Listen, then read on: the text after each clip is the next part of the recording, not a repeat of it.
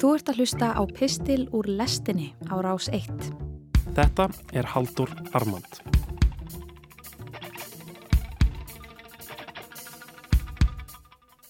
Ódiseifs kviða fjallar um mann sem er á leiðinni heim til sín. Upprunni vestræðna bókmenta, vestræðnar menningar er 3000 ára gömul saga um mann sem langar heim, reynir að komast heim, gengur ítla að komast heim en kemst síðan heim. Í upphafi bókar sjáum við heimili Ódiseifs á einni íþöku með augum sonarans, Telemakkusar, sem á þar í vög að verjast gegn von byðlum Penilópu, móðurans og eiginkonu Ódiseifs konungs sem sitja þar að veistlu, 108 talsins, drekka vín Ódiseifs og sólunda eigumanns. Þegar við síðan hittum Ódiseif sjálfan er hann fastur á einni ógíu hjá landgiðjunni Kalypso og þar situr hann einn á sjávarströndinni og sundur slítur hjarta sínu með gráti eins og segir í þýðingu Sveinbjarnar Egilsonar mænir út á hið ófrjófa haf og eis út tárum. Já, tárin þorna ekki af augum Ódiseifs, hann er sígrátandi af heimfísi, þráir að sjá þó ekki væri nema reik stíga upp af föðurlandi sínu. Elsku viðförli Ódiseifur, eini maður mannkinsögunar sem afrikaði það að ferðast meira en ásmundur Fridriksson, búin að vera tíu ár að berjast í tróju fyrir vinsinn, fyrir málstað sem varðaði hans sjálfan eða hans ríki ekki neitt og núna er hann fastur. Guðirnir ákveðaloks að söguhetjan okkar eigi að fá laust, svo Kalypso lætur undan og leifir Ótisefi að fara. En fyrst býðist hún til þess að gera hann ódöðlegan gegn því að hann verði kyrr og minnir hann jafnframt á að konan hans, hún Penelopa, sé nú ekki alveg jafn heit og hún sjálf. Þessar döðlegu konur geti ekki jafnað sér við hinnar ódöðlegu að vexti og fríðlegg. Þá muni margar raunir jáfnframt liggja fyrir Ótisefi á heimleiðinni. Ótiseifur segir eitthvað á borfið, ég veit, ég veit, tignarlega giðja, ekki vera mér reið, ég veit að þetta er allt saman rétt hjá þér. Tilutin hefst, engu að síður vil ég og þrey ég eftir því alla daga að komast til húsmins og sjá minn heimfarar dag. En ef einhver guðana brítur far mitt á hinnu dimbláa hafi, skal ég bera það og hafa þólinnmóðan hug í brjósti, því mjög margt illt hef ég áður þólað og í margar raunir ratað á sjó og í hernaði og má þá þetta bætast þar á ofan til uppnum líkur. Og þannig hefst hinn fræga ferð okkar manns heim til íþöku og bóðskapur Ótisefskviðu snýr að heimilinu. Þetta er saga um menn sem reðust á heimili annars fólks í tróju og vildu síðan komast heim til sín. Það er allir sífælt heima hjá einhverjum öðrum eða á leiðinni heim til sín eða heim til einhvers annars og Ódisefur konungur holdgerir betur en nokkur annar eftir farandi innsægi bókarinnar. Fólk vill vera heima hjá sér. Það kýs frekar að fá að vera heima hjá sér en að verða ódöðlegt. Ísland er samkvæmt nýjustu fréttum dýrasta land í heiminum. Þetta kom fram hjá fréttamillinum Business Insider í liðinni viku. Kaupmáttur Íslendinga er hins vegar minni en annara ríkja sem ná inn á topp 10 listan. Ég veit ekkert hvaða vísindi er á bakvið þessar tölur en þetta þýðir að af 10 dýrustu ríkjum heims sé Ísland dýrast en um leið sé fólki þar fátakast af þessum sömu 10 ríkjum. Íslendingar eru með öðrum orðum þjóð sem á ekki fyrir því að búa í sínu eigin landi. Við hefum oft heyrt þessar fréttir áður, ekki satt? Kanski ekki þetta með kaupmáttinn en þessi linnulöysa dýrtíð er náttúrulega ekkert nýtt.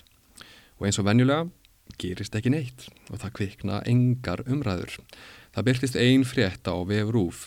Góðir hálsar, þessir 103.000 ferrkilometrar hérna í norður Allandsafi, eru dýrasti staður í heimi og fólkið sem býrðar á ekki fyrir því.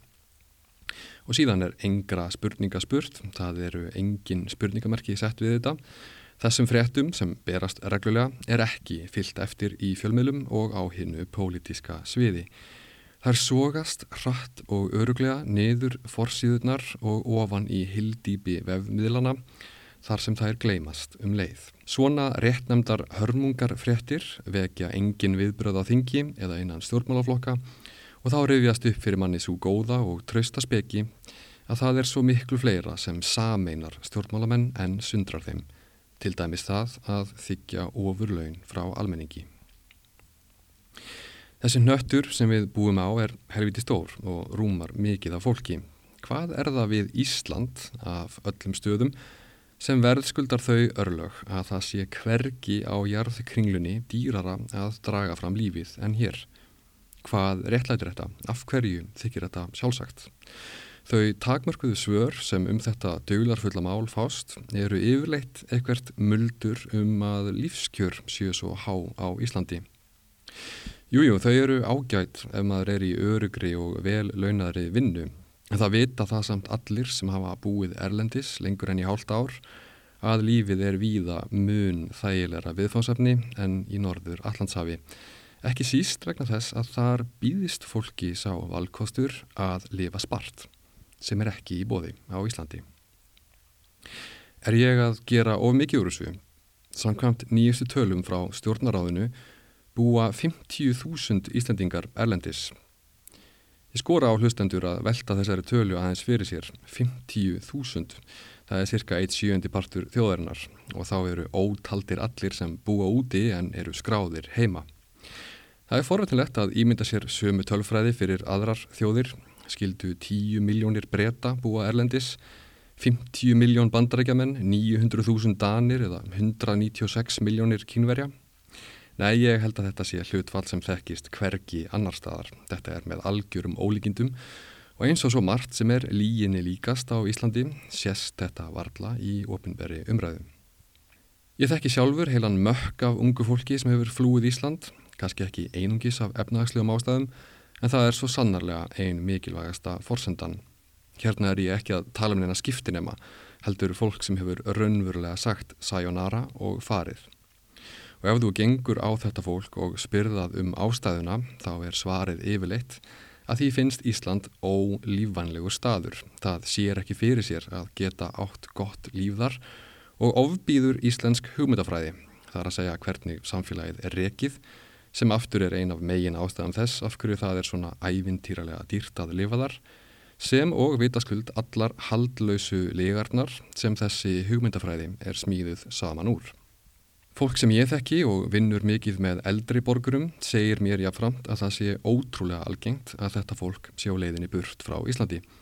Ekki af því það vill fara, heldur af því það neyðist til þess. Það á einfallega ekki fyrir því að búa í dýrasta landi í heimi. Sjálfur gleymi ég því aldrei þegar ég sá líferisgreðslur afamins heitins og sá þar svart og hvítu hverju það skilar að gera ekkert annað en að vinna og borga skatta á Íslandi í halva öld. Fyrir hvern er Ísland þá eiginlega? Það verðist í gróum dráttum vera fyrir meðaldra launafólk sem er tilbúið til þess að slíta sér út áratugum saman að þjóðulegum sið og svo ungt fólk sem á foreldra sem geta kift handa því húsnæði.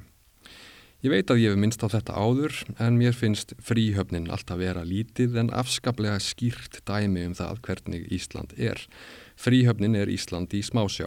Hún er sérstök búð fyrir vel stætt fólk þar sem það getur keift sér munadarvörur á allt öðru verði en fátækt fólk getur nokkuð tíman látið sig dreyma um. Á sama tíma er síðan linnulaust logið að þessu fátæka fólki úr öllum áttum að ástæða þess að þessar vörur séu svona dýrar á almennum markaði sé vegna líðheilsu. Það sé með öðrum orðum því sjálfu fyrir bestu. Hið sanna er hins vegar að það er einfallega verið að merg sjúa þetta fólk vegna þess að það er hið ósagða raunverulega hlutverk þess í þjóðfélaginu að slíta sér út og láta síðan merg sjúa sig. Um þetta fyrirkomalag ríkir engin evi, um það er aldrei fjallað, um það er aldrei rætt. Ekki veit ég hvað vinglasið kostað á barnum í Íþöku eða hvernig var að kaupa í matinn þar, en ég veit að Ótisefur vildi ekki komast heim til sín af því lífskjörin þar voru svo góð. Nei, hann hefði getað verið ódöðulegur og lifað í velistingum til eiflíðar með Kalipsó. Hann vildi komast heim vegna þess að fólk vill almennt og yfirleitt geta verið heima hjá sér. Þetta er ein af ástæðum þess að gesturistni þótti svo mikilvæg degð í klassíska heiminum. Fólki líður best heima hjá sér og þess vegna áttu að taka vel á móti aðkomu fólki þeim sem hafa yfirgefið heimili sín. Þetta er innsægi og viska sem evróskir stjórnmálamenn gætu lært sitt hvað af í dag. Það er sífælt verið að lýsa yfir óvissu ástandi á Íslandi vegna veðurs eða jarðhræringa, gul viðvörun, appelsínu gul, rauð, Hið sama ætti með réttu að gera fyrir önnur svið þjóðfélagsins. Það er alltaf appelsínu gul viðvörun í tilvistarmálum fyrir þorra manna á Íslandi. Það er óvissu ástand á leikumarkaði, á húsnæðismarkaði, í verðbolgu og verðlagsmálum, í afborgunarmálum, já, í kvestakslífinu almennt og yfirleitt. Það er engin stöðuleiki nokkur staðar. Afraksturinn er sá að stór hluti íslensku þjóðarinnar getur ekki verið heima á sér af því föðurland þess, móðurjörð þess er dýrasti staður á jarðkringlunni. Fyrir ungt fólk getur það kannski á vissanátt verið spennandi að flýja en að hrekja eldriborgara úr landi er viðbjóðslegt og óafsakanlegt. Ætlar virkilega enginn að verja hagsmunni þessa fólks.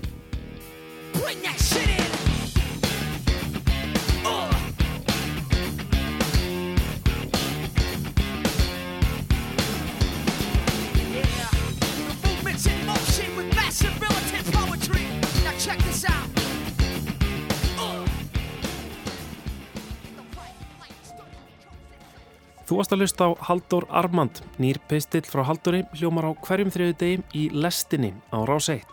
Ef þú fílaðir þennan pistil og vilt heyra meira, getur gerst áskrifandi að lestinni hér í hlaðvarpsappinu þínu.